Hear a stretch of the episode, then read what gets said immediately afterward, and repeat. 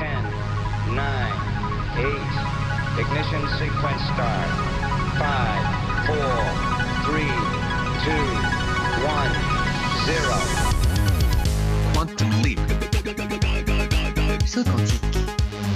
Salto quântico. Salto quântico. Salto quântico. Quantum leap. Salto quantico. Salto quantico. Salto quantico. Kvantum, det du inte visste att du ville veta. Samtidigt som Peter Westerbacka jobbar på både en tunnel till Tallinn och en järnvägsförbindelse till Ishavet så har Österbotten en annan strategi när det gäller förbindelser med utlandet. Den strategin går ut på att vänta. Förr eller senare kommer man ju att kunna gå torrskodd över till Sverige eller köra när landhöjningen har gjort sitt och Bottenviken blir en sjö. Bottensjön kommer enligt nuvarande tidtabell att uppstå när Kvarken blir en landbro om cirka 2000 år. Om inte Peter Westerbacka hittar på något knep för att snabba på den processen också.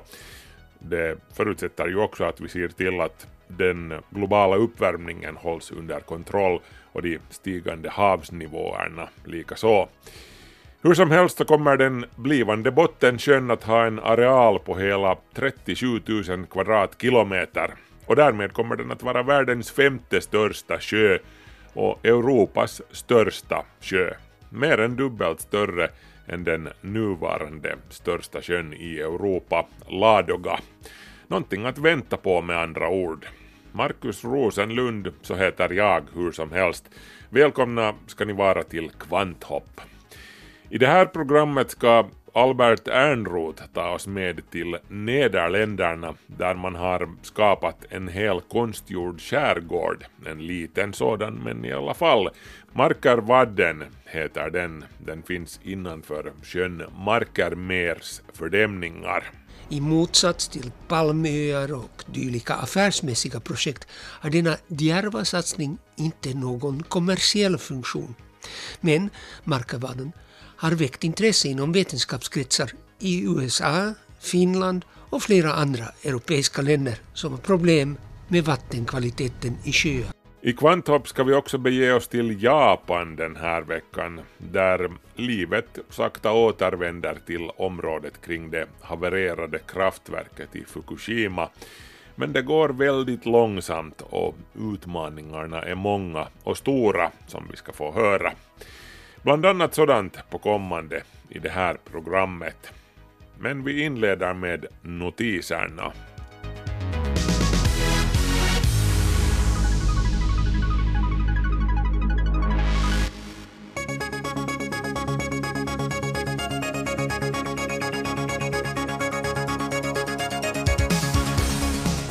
Tidigare har vi ju oroat oss om huruvida världens oljeresurser räcker till, men nu ser också elbilarna ut att få det kämpigt eftersom det kan uppstå brist på de viktiga metaller som behövs för bilarnas batterier. Det här var temat för en sluten konferens som den amerikanska elbilstillverkaren Tesla höll nu i dagarna. Där medverkade ett hundratal politiker, lagstiftare och toppar från gruvindustrin. Tillgången på kobolt är ett av frågetecknen på grund av problem med brytningen i Kongo-Kinshasa. Och så finns det en oro för att brytningen av koppar inte har hängt med i utvecklingen globalt. En elbil kräver dubbelt så mycket koppar som en konventionell bil. Samtidigt ökar behovet av koppar kraftigt också utanför bilindustrin. Bara de smarta systemen för hemmet, som Amazons Alexa till exempel, kommer att sluka upp till en och en halv miljon ton koppar fram till 2030. En mer än trefaldig ökning från nuläget.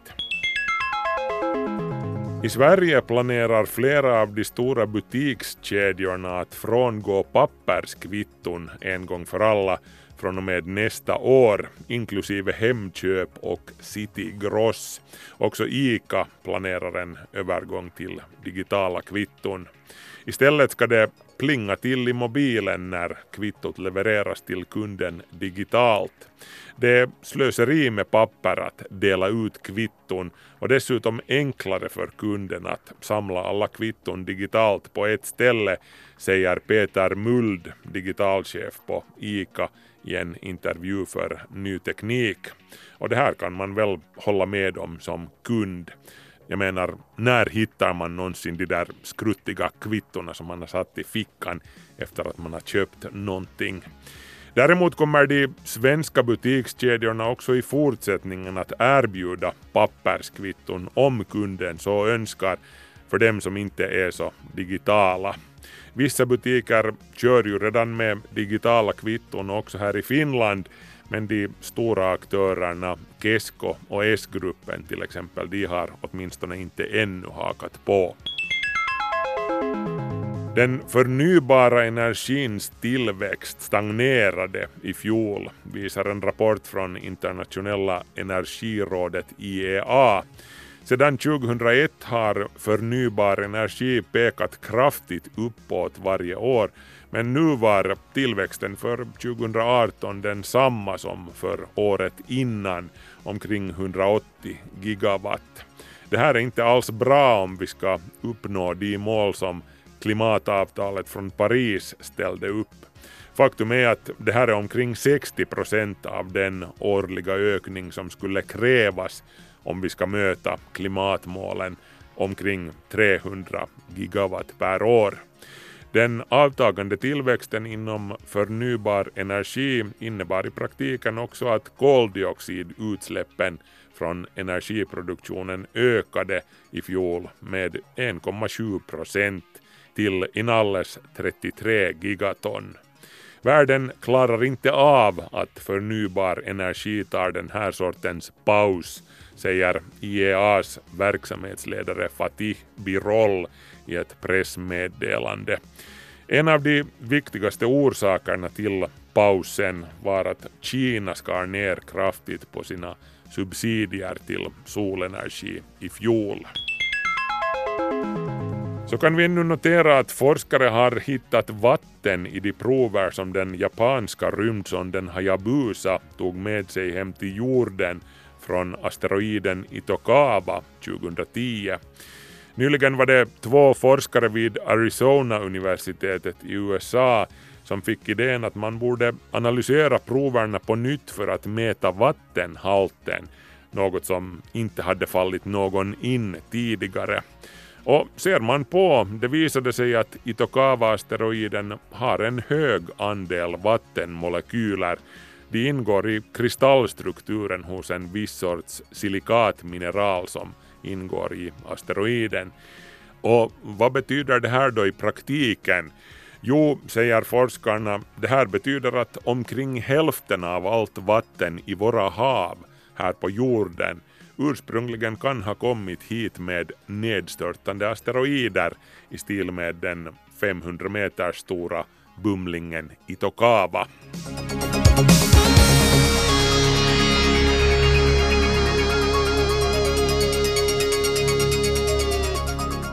Kvanthopp, det du inte visste att du ville veta. För oss här i Finland kan det ju te sig lite konstigt med tanken på byggandet av konstgjorda öar. Holmar, öar och kobbar har vi ju så det förslår. Men holländarna de sysslar med det här. De är faktiskt pionjärer på det här området.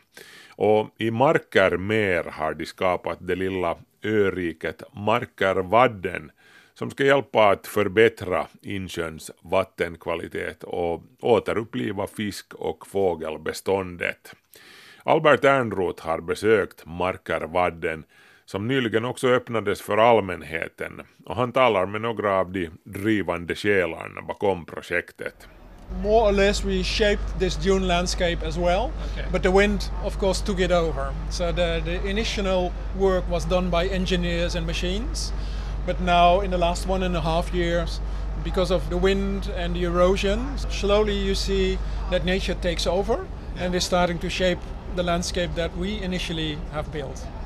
Markervadden handlar om mycket mer än bedriften att kunna konstruera några öar i en insjö. I motsats till palmöar och dylika affärsmässiga projekt har denna djärva satsning inte någon kommersiell funktion. Men Markervadden har väckt intresse inom vetenskapskretsar i USA, Finland och flera andra europeiska länder som har problem med vattenkvaliteten i sjöar. There's a lot of interest from the scientific community because it's quite unique to be able to see how a, an ecosystem develops quite from the start. Den största utmaningen och projektets första prioritet var att förbättra vattnet i marker mer. Genom att återskapa en naturlig miljö hoppades man att även återuppliva insjöns utarmade fiskbestånd. Nästa steg var att locka vadarfåglar som behöver grundvatten eller våtmarker som denna insjö tidigare helt saknade. Dessutom var det viktigt att vattenturismen också kunde dra nytta av satsningen. There's a saying that says God created the earth and the Dutch created the Netherlands, which has a basic truth in it. Gud skapade världen, men holländarna skapade Holland är ett talesätt som beskriver både holländarnas arrogans och deras imponerande förmåga att tämja havets krafter. Deras kunskaper om landvinning genom torrläggning saknar motstycke. Yeah, Natuurmonumenten is an, a non-governmental organization. We are actually an association. We have some 720,000 members. Jag talar med Theo Wams som är direktör för Naturmonumenten, en organisation med 720 000 medlemmar som äger 110 000 hektar skog, våtmark, öar, vattendrag med mera. Det är till stor del tack vare tusentals frivilliga entusiaster som denna icke-statliga organisation klarar av att sköta alla dessa naturområden och historiska byggnader. We are an NGO that manages natural sites all over the country. So we, we manage about 110,000 hectares of nature, varying from islands to the north of the country, uh, meadowlands, uh, swamps, forests. Uh, Vi är nu på väg till det nya öriket som Naturmonumenten tillsammans med Rijkswaterstaat, den nederländska myndigheten för vatten och infrastruktur, har byggt i Markermer. De fem Waddenöarna ligger ungefär nio kilometer utanför Lelystads kust och Lelystad är provinsen Flevolands huvudstad. it's an absolutely new nature area with species that belong to uh, the, the pioneers, the first plants and animals to come and settle, and then the whole development of the area with new species coming in, Markermer var ursprungligen en del av Eiselmer. Insjön Eiselmer uppstod när havsviken Södersee avskildes genom spärrdammen The Afsluitdijk. Den byggdes redan 1932. Markermer skapades 44 år senare när den södra delen av Eiselmer avskildes genom en 27 kilometer lång vall med en väg som förbinder Lelystad med Enkhausen i provinsen Nordholland. Det var ursprungligen meningen att Markermer skulle torrläggas, precis som Flevolandpolden som blev landets tolfte provins 1986. Men experter påpekade att torrläggningen kunde få allvarliga ekologiska konsekvenser. Efter protester från allmänheten beslöt regeringen att överge planerna att förvandla insjön till en polder. This lake has been fixated with concrete shores and lots of sludge in it, so it's, it's actually ecological almost dead. And with these islands, we give a kiss of life to this whole big area. Theo Wams berättar sjön efter att ha konstruerats 1976 småningom kvävdes, vilket berodde på ett antal faktorer. En orsak var att Markermer saknade naturliga stränder. Sjöns kustlinje består huvudsakligen av stora stenblock och cementerade stränder. Dessa material är effektiva som vågbrytare och förhindrar översvämningar. Holländarna är som bekant specialister på att bygga skyddsvallar och fördämningar. Det är färdigheter som de har perfektionerat sedan tidig medeltid och det vittnar också namnen på flera städer om. Rotterdam, Amsterdam, Edam, Volendam med flera. The reason that this lake was dying is that we made the dikes. The dikes were very good for the for the safety, uh, to, to keep the water away from the land. But then again, it was impossible for the, the silt to go into the sea. Nu talar jag med Ben Fifein som arbetar för Rijkswaterstaat, Ministeriet för infrastruktur och vattenförvaltning. Han har varit involverad i Markervadden-projektet från början. In 2012, we had from the central government a plan for the Marker Meer because everybody was worried that the water quality in the lake and the life, birds and fish, was going very bad at that time. And we thought a solution would be a sort of an area with some land on it. And we said we need some undeep water that's better for the fish, for the water plants and for the birds. Naturmonumenten presenterade 2012 en plan för att hjälpa återuppliva sjöns fiskbestånd och fågelliv. Fiskar behöver lekområden där de kan lägga rom och det kräver grundvatten. Men problemet med Marken mer är att vattnet överallt är ungefär lika djupt, mellan 3 och 5 meter. Konstruerar man öar som på alla sätt liknar naturliga holmar med sandstränder, bukter och sidoströmmar mellan öarna, då skapar man också möjligheter för fiskar att leka på grundvatten.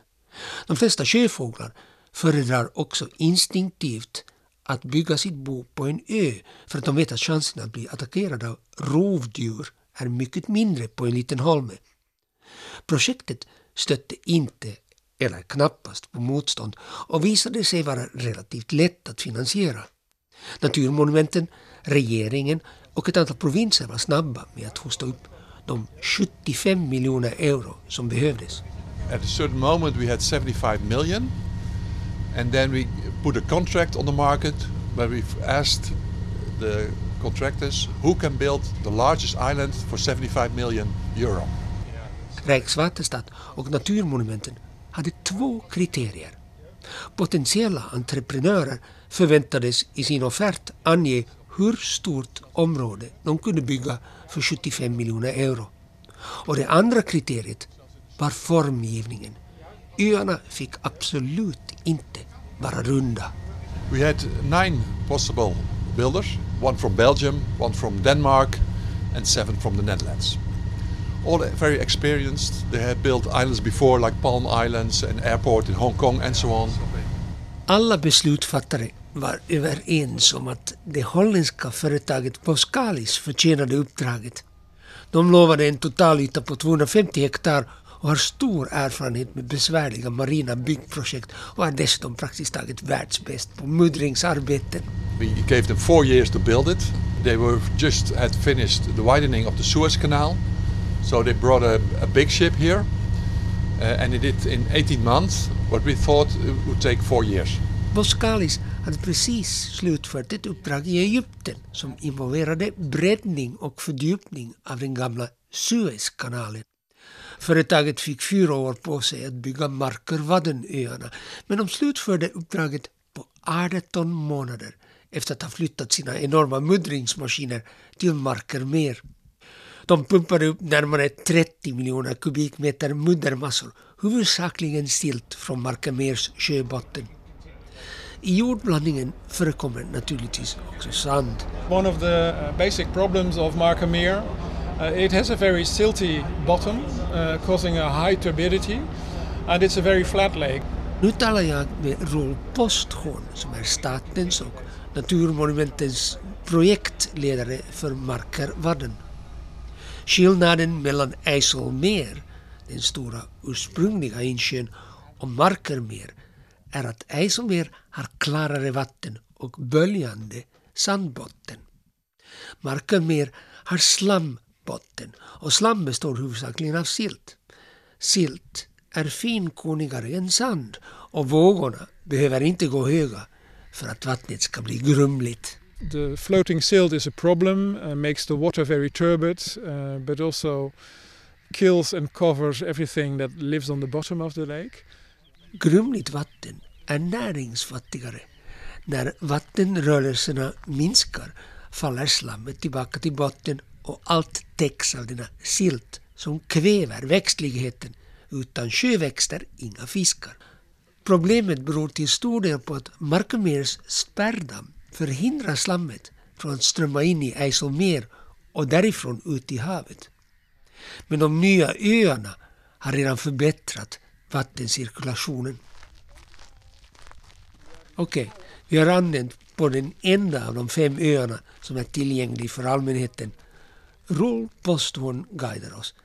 Varje lördag får ända upp till 200 besökare stiga i land och gå omkring på den 2,5 kvadratkilometer stora ön. Inom den närmaste framtiden ska det också finnas ett strängt limiterat antal förtöjningsplatser för segelbåtar. Ja, vad är det då som man kan förvänta sig att få se här? So we have um, all kind of plovers. Um, so a lot of, of coastal birds uh, that, that normally we find only at uh, uh, the coastline along the sea, the Wadden Sea, etc. Uh, the avocet is a very uh, typical species that is extremely abundant here. So about 10% of the population of all the Netherlands was breeding international Skärfläckan med sin uppåtböjda näbb och flyway of svartvit brockiga fjädrar var bland de första att upptäcka de nya öarna och ett femtiotal beslöt genast att häcka på sandstränderna. Sedan kom mindre strandpiparen och den mer sällsynta svartbenta strandpiparen. Fisktärnor bygger nu också sina bon på Markervadden. So there is a, a the peregrine falcon that comes in every day. It's breeding. If you look at Lelystad um, here in the distance, you see this very high tower, and that's uh, on that tower. There's a peregrine falcon couple breeding uh, already for several years, and they really discovered Markerwadden as a important food source. Ett par pilgrimsfalkar häckar i ett torn i Lelystad och öarna får nu dagligen besök av en av dessa rekordsnabba falkar. Men många småfåglar behöver mer växtlighet och klart vatten innan de är villiga att bosätta sig på öarna. Det finns för fågelskådare ett antal mycket fina observationsplatser med vindskydd som liknar stugor och man har nu redan iakttagit ett sextiotal olika arter. Men för en vanlig icke-ornitolog är detta också en speciell miljö, praktiskt taget unik. Med undantag av gångvägarna är marken huvudsakligen sank. På flera ställen syns varningar för kvicksand, men det är ingen fara så länge man inte lämnar stigen. And then you also see already a few plants flowering. They came also here by themselves. Vegetationen är än så länge artfattig och gles. Här och där har man påskyndat tillväxten genom att hägna in områden och plantera vass. Men de flesta växter är självsådda. En typisk pionjärväxt är kärrnockan, en korvblommig växt som på kort tid har koloniserat sumpmarken. It is super specialist. Only the newest land it can colonize, and uh, the strategy of this plant is to flower and then to make very fine seeds that can just be lifted up by the wind Kärrnockan försvinner lika snabbt som den dyker upp. Den är konkurrenssvag och klarar sig inte när flera andra arter börjar etablera sig. Det finns också ett ställe där man kan studera undervattenmiljön. Vattnet är grönt som ljus spenatsoppa. There is a, a window uh, through which you can look at the water life underwater. And you see the water is greenish. There's uh, probably quite some algae growing. But you see also, if you look very carefully, that there is a lot of plankton floating in the water. So exactly I berättade att det finns gott om alger som lockar zooplankton som livnär sig på växtplankton, alltså alger. Att det finns ganska rikligt med zooplankton och även små sötvattenräckor i vattnet är ett mycket hälsosamt tecken. Dessa producenter och växtätare i näringskedjan lockar i sin tur fiskar och vadarfåglar. Ja, det ser ut att Marker Mer redan nästa decennium kan bli en frisk insjö och holländarnas expertis inom detta område kan i framtiden möjligtvis rädda flera andra europeiska insjöar. We will have a, a conference ne- next year with those people f- from all those lakes in Finland, in Austria, Slovenien in Italy, in Slovenia, to, to have more exchange of know-how. And then we show what we learned here, not only the good things but also the bad things. Albert Ernroth var det som var reporter i det reportaget från Markarvadden i Nederländerna. Det här är en Svenska Yle-podd. Åtta år efter katastrofen i japanska Fukushima är situationen alltjämt bekymmersam, om vi säger så. Samtidigt som det kommer rapporter om att fisk med förhöjda halter av cesium-137 på nytt har påträffats i havsviken utanför de havererade kärnreaktorerna vill det ansvariga kraftbolaget nu börja släppa ut stora mängder radioaktivt spillvatten. Anledningen är att man inte längre har plats att lagra det här vattnet. Men misstron från allmänheten är förståeligt nog fortsatt stor.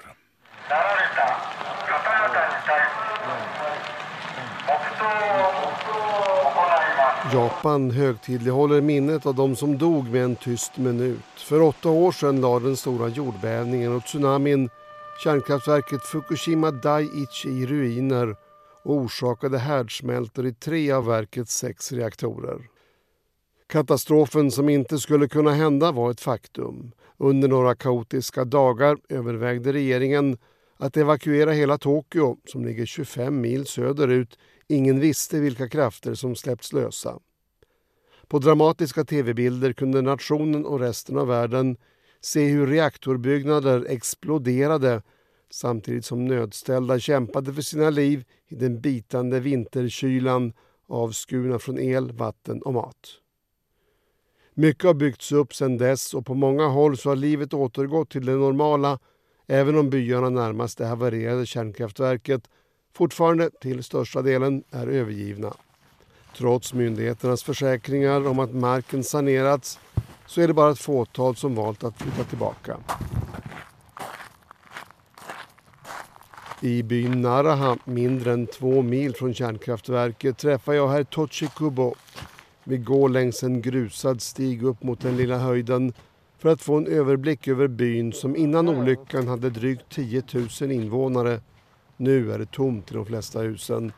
Tomt och övergivet. På kvällarna kan man höra vildsvinen böka runt på åkrarna strax intill. Han berättar hur han och hustrun flydde hals över huvud den där marsdagen för åtta år sedan. Nu återvänder han för att hitta till sitt hus då och då. Att bo här permanent igen är inget han överväger. På flera platser har myndigheterna placerat ut Geigermätare med digitala displayer som visar radioaktiviteten. そこはおそらく0.2なんで。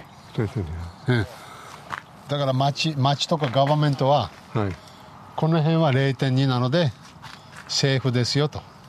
だからうちに戻っても問題ないですよ。 0,2 millisievert konstaterar herr Tochikubo. Det är den nivå som de styrande sagt att det är säker. Men vi vet ju egentligen inte vad som är säkert och inte. Det är bara en siffra man tagit till för att ha något att hålla sig i. Sen varierar det jättemycket. Bara runt mitt hus så är det 0,1 på några platser och 0,8 på andra. Det kan skilja på någon meter. 作っても食べられない食べれないと思いますよ食べられないと思いますよもし食べるんだったら一応その放射能をチェックする機械があるんでそれでチェックしなくちゃいけない、だから魚介類も Tochiko san och hustrun brukade odla grönsaker för husbehov, lök, morötter och sallad och sånt. Men nu är odlingen igenvuxen. Han känner inte för att äta det som växer här eller fisken som simmar i havsviken där ute, säger han och pekar ut mot det blåa Stilla havet.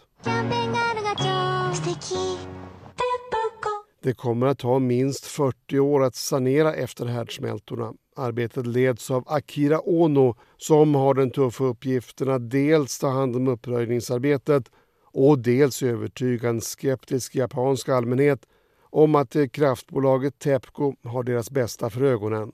Dagarna efter olyckan präglades av halvsanningar och försök att mörklägga omfattningen. Det dröjde exempelvis flera månader innan Tepco medgav att härdsmältor faktiskt ägt rum. Fortfarande så har man inte kunnat ta sig hela vägen in i reaktorinneslutningarna för att kunna säga var bränslehärdarna befinner sig rent fysiskt. Strålningen är alldeles för hög.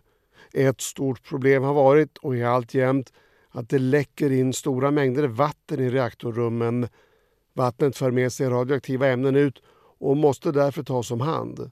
Fram till nu så har Tepco pumpat upp och lagrat vattnet i stora cisterner men nu börjar det bli ont om mark för att bygga nya cisterner och man vill därför släppa ut vattnet i havet.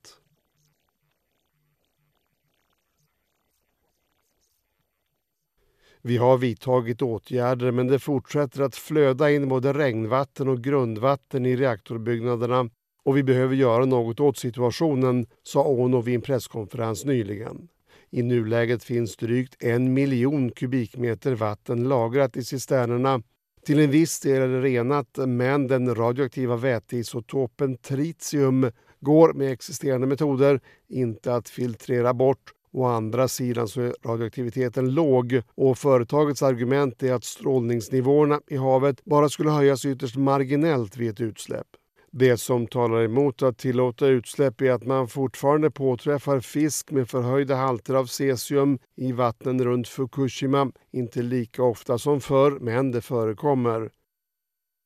Fiskerinäringen slogs i stort sett ut efter olyckan och har nu börjat återhämta sig så smått. Många konsumenter undviker dock fortfarande att köpa fisk och grönsaker från Fukushima. Tomoko Nakanishi, professor vid Tokyo-universitetet och en av Japans tre kärnkraftskommissionärer menar att myndigheterna varit dåliga på att informera allmänheten och att misstron därför är stor trots att riskerna kanske inte är så stora. Uh, the government, prefecture government is now measuring all the all the things, all the rice harvested from Fukushima and the result is okay but still they are psychologically cannot bring their mind i Fukushima testas allt livsmedel, ris och grönsaker. Sånt som har för höga halter får inte säljas. Ändå är det många som känner sig oroliga och framförallt gäller oron cancer och sjukdomar som drabbar på lång sikt, säger professor Nakanishi. Myndigheterna i Fukushima län har erbjudit screening för sköldkörtelcancer för samtliga barn och bland dessa har man upptäckt en ökning i antalet cancerfall jämfört med en kontrollgrupp men forskarna är oeniga om detta beror på kärnkraftsolyckan eller på att man screenat fler barn än normalt. Sköldkörtelcancer är en relativt vanlig cancerform som tros uppstå när sköldkörteln suger åt sig radioaktivt jod som sprids vid en kärnkraftsolycka. Det är därför som myndigheterna delar ut jodtabletter i drabbade områden. Tanken är att mätta sköldkörteln med vanligt jod och därigenom förhindra radioaktivt jod från att lagras i kroppen. En som följer mätningarna och debatten kring cancerfallen med stort intresse är professorn i patologi vid Tohoku-universitetet, Manabu Fukumoto. Han menar att det finns anledning att ta den rapporterade förhöjda cancerfrekvensen på allvar men att i det här läget inte går att fastslå att fallen verkligen beror på de radioaktiva utsläppen. The incidence among different areas within Fukushima is not so quite uh, different. So all the Fukushima area, the same level. Jämför man hela Fukushima-län, alltså även de områden som inte drabbades, så ser man skillnaderna inte är så jättestora, säger professor Fukumoto. Det talar emot teorin. Men vi ska också vara på det klara med att det bara gått åtta år sedan olyckan. I Tjernobyl tog det uppemot 15 år innan cancerformen blev vanlig, säger professor Fukumoto. Han tillägger att effekterna av Fukushima så här långt mest är psykologiska men betonar också att depression och oro kan vara nog så hälsofarligt.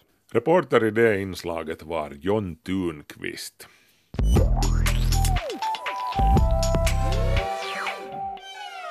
Yle.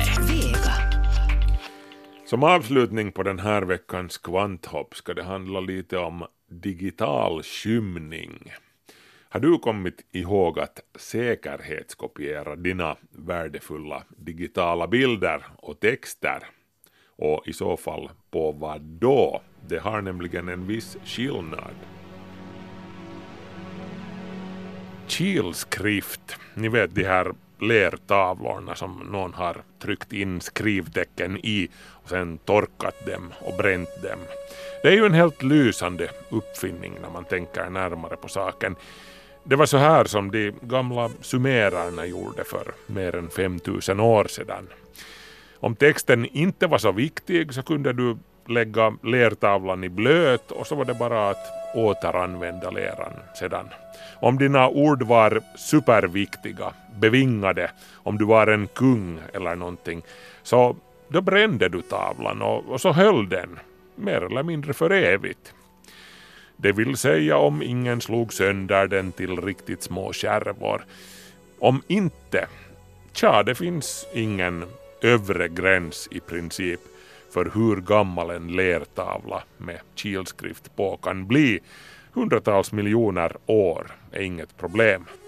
Vår tids skrift däremot, och våra bilder, våra fotografier, hur ska det gå för dem? Visste du till exempel att 90 procent av all information som någonsin har skapats av människan har producerats under de gångna två åren. Två triljoner byte av ny data skapas varje dag. En triljon det är en etta följd av 18 nollor.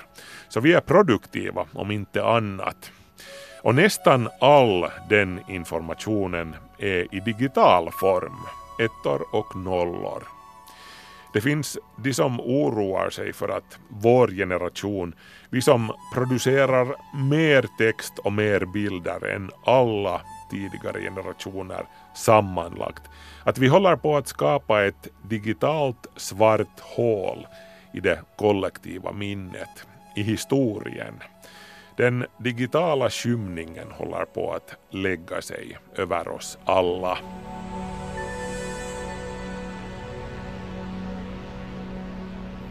Jag ska ta ett exempel här. Sedan jag köpte min första digitalkamera för vadå 18 år sedan har jag tagit hundratusentals bilder utan överdrift alltså.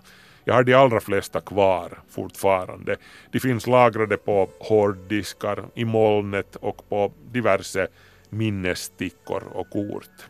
De allra tidigaste digitala bilderna som jag någonsin tog finns till och med bevarade på disketter. Ni vet de där fyrkantiga plastkexen som man stack in i datorn. 1,4 megabytes lagringskapacitet. Hur länge tror ni att de kommer att bevaras? 10 år? Tusen år? 100 miljoner år? Nej, knappast. Grejen är alltså den att jag har inte ens längre någon diskettstation kvar som jag kan sätta in de här disketterna i trots att det har gått vadå ett par ynkliga årtionden. Det är det här som kallas digital skymning. Synd också på alla mina texter som jag skrev under min studietid. De är ju säkert alla jätteminnesvärda, eller så inte. Också de finns sparade på disketter. Problemet är bara att också om jag skulle ha en diskettstation, en diskettläsare alltså, så skulle mitt textbehandlingsprogram i dagens läge knappast känna igen formatet från 1992. Jag skrev det mesta på en ordbehandlare som hette Word Perfect version 1 eller 2 tror jag. Den digitala skymningen har sänkt sig över mitt 25 år gamla arkiv från studietiden. Samtidigt så finns det som sagt kilskriftstavlor som är fullt läsliga efter tusentals år. På jobbet här på YLE har jag otaliga lådor med gamla program och sändningar sparade på DAT-kassetter, Digital Audio Tape, otroligt bra ljudkvalitet, bättre än CD-skivor. Om man kunde lyssna på dem, det vill säga. Så nyligen som förra veckan satt jag faktiskt här och önskade att jag skulle kunna lyssna på ett specifikt gammalt program. Men det finns ingen datspelare någonstans här på redaktionen.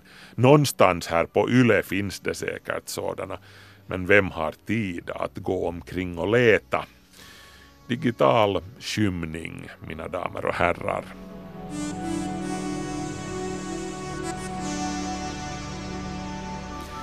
Men numera så börjar vi ju hur som helst alltmera gå över till datalagring på distans, molnet. Ökar det på chanserna för våra filer att överleva för eftervärlden, eller går det tvärtom? Tja, no, molnet betyder ju såklart inte att vi har skippat hårddiskarna, även om vissa kanske inbillar sig att då vi sparar saker i molnet sparar vi det i Guds skägg. Eller någonting. Tyvärr, det är fortfarande hårddiskar som gäller, precis som förr. De ligger bara någonstans i en enorm serverhall i Mongoliet där ingen bryr sig om de drivs med kolkraft eller på Island eller någonstans. Hur väl bevarade tror ni att våra bilder är där? Är deras existens tryggad för en lika lång tid som de sumeriska kilskriftstavlorna? Jag skulle vara väldigt förvånad om det vore så. De hårddiskar som används idag har ett bäst före-datum på mellan 5 och 20 år eller så. Det är klart någon byter ut dem med tiden innan de degraderas, säkerhetskopierar dem också. Men vad händer om det inträffar till exempel en massiv solstorm i stil med 1859 års Carrington-event som sopar alla hårddiskar rena. Eller kanske någon bränner av en vetebomb i stratosfären ovanför med en jättelik elektromagnetisk puls som resultat.